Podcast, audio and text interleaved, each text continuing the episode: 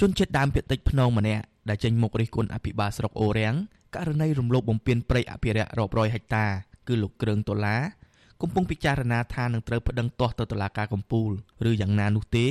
ក្រោយពីសាលាអូតូបានសម្រេចឲ្យលោកចាញ់ក្តីក្នុងសំណុំរឿងលោករិះគន់អភិបាលស្រុកអូរាំងលោកសៀកមុនីតាមបណ្ដាញសង្គម Facebook តាក់ទិនករណីរំលោភបំពានព្រៃអភិរក្សខុសច្បាប់លោកគ្រឿងដុល្លារយល់ថាសេចក្តីសម្រេចរបស់សាលាអូតូមិនបានលើកទឹកចិត្តនិងពុំផ្ដល់តម្លៃឲ្យពលរដ្ឋ ក្នុងការចូលរួមការពារធនធានធម្មជាតិឲ្យទូលំទូលាយនោះទេលើពីនេះលោកបានស្នើឲ្យអគ្គព្រះរាជអាជ្ញានិងតុលាការចុះពិនិត្យទីតាំងជាក់ស្ដែងពីសកម្មភាពកាប់ទន្ទ្រានដីព្រៃអភិរក្សអស់ជាង3000ហិកតា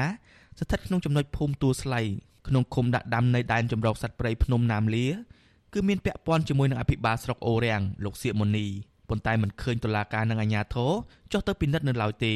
អាជ្ញាធរទាំងតុលាការហ្នឹងអត់ឃើញចុះទៅពិនិត្យទេប៉ុន្តែតំបន់ហ្នឹងរាល់ថ្ងៃគឺវាលរហឋានមិនមិនក្រំជាង3000ហតាទៅ4000ហតាទេតំបន់ទូស្វ័យហ្នឹងស្ថិតនៅក្នុងដែនចម្រុកសត្វព្រៃ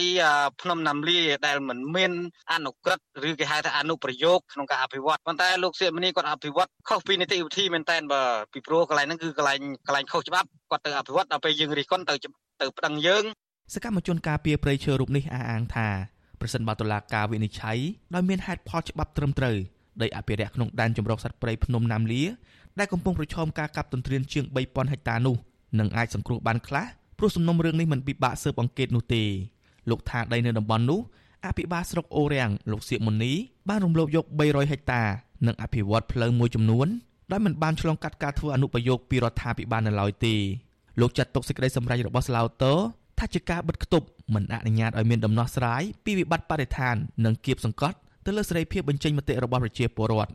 លោកគ្រឿងតុលាបានប្តឹងជំទាស់ទៅសាលាតោត្បូងឃ្មុំក្រោយពេលសាលាដំបងខេត្តមណ្ឌលគិរីបានសម្រេចប្រកាសសារក្រមឲ្យលោកចាញ់ក្តីក្នុងសំណុំរឿងអភិបាលស្រុកអូរាំងលោកសៀកមុនីប្តឹងទាមទារសំណង20ម៉ឺនដុល្លារពីបទបរាគេជាសាធារណៈតុលាការខេត្តមណ្ឌលគិរីតម្រូវឲ្យលោកក្រាំងតុលាសងជំងឺចិត្តជូនអភិបាលស្រុកអូរាំងចំនួន40លានរៀលស្មើនឹងប្រហែល10000ដុល្លារ ហើយត្រូវបង់ចូលរដ្ឋ4លានរៀលផ្សេងទៀតរីឯសាលាតោត្បូងឃ្មុំកាលពីថ្ងៃទី23ខែមិថុនាសម្រេចឲ្យលោកចាញ់ក្តីហើយត្រូវសងជំងឺចិត្តជូនអភិបាលស្រុកអូរាំង5សែនរៀលនិងពិន័យជាប្រាក់4លានរៀលតែទោសនេះត្រូវព្យួរការប្តឹងផ្តល់នេះកើតមានឡើងក្រោយពីលោកគ្រឿងដុល្លារបានបង្ហោះសារតាមបណ្ដាញសង្គម Facebook របស់លោករិះគន់លោកសៀកមុនីពាក់ព័ន្ធនឹងអំពើពុករលួយទន្ទ្រានព្រៃអភិរក្សទំហំជាង300ហិកតានិងកសាងផ្លូវប្រវែង30គីឡូម៉ែត្រ ដើម្បីរកទីផ្សារអចលនទ្រព្យមិនប្រក្រតីវិសុអសិរ័យមិនអាចតាក់ទងសុំការឆ្លើយតបរឿងនេះពីប្រធានក្រុមប្រឹក្សាជំនុំជម្រះនៃសាលាអូតូត្បូងឃ្មុំលោកសុតសំអោកបានយ៉ាងណានៅឡើយទេនៅថ្ងៃទី7ខែកក្កដារីឯតំណាងមហាអាយកាលោកស្រីម៉ានីវិសុអសិរ័យក៏មិនអាចតាក់ទងបានដែរព្រោះទូរស័ព្ទហៅចូលជាច្រើនដងតែគ្មានអ្នកលើកជុំវិញរឿងនេះមន្ត្រីពង្រឹងសិទ្ធិអំណាចសមាគមមូលដ្ឋាននៃសមាគមអាត់ហុកលោកប៉ែនវណ្ណា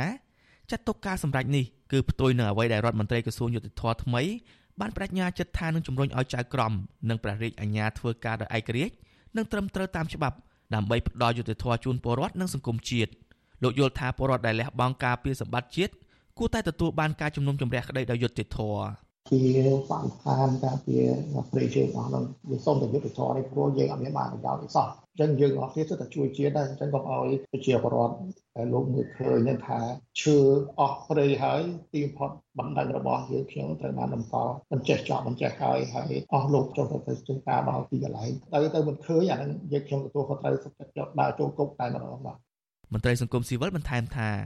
ការបង្ហោះសាររិះគន់អាញាធរប្រព្រឹត្តបទល្មើសព្រៃឈើ និងបន្ទប់ស្កាត់បទល្មើសព្រៃឈើគឺជាសិទ្ធិសេរីភាពបញ្ចេញមតិស្របតាមរដ្ឋធម្មនុញ្ញគ្មានទោសនោះទេលោកសង្កត់ធ្ងន់ថាសេចក្តីសម្រេចនេះជាគំរូអាក្រក់គំរាមកំហែងស្មារតីពលរដ្ឋដែលលះបង់ការពារព្រៃឈើនិងទុនធានធម្មជាតិដែលកំពុងប្រឈមនឹងការបាត់បង់កាលពីដើមឆ្នាំ2020សហគមន៍ជនជាតិដើមភាគតិចភ្នំ6នាក់និងមន្ត្រីសង្គមស៊ីវិលម្នាក់បានរួមគ្នាប្តឹងបរិហា អភិបាលស្រុកអូរាំងលោកសៀកមុនីទៅសាលាដំបងខេត្តមណ្ឌលគិរីពីបទចាប់យកដីព្រៃអភិរក្សប្រមាណ300ហិកតា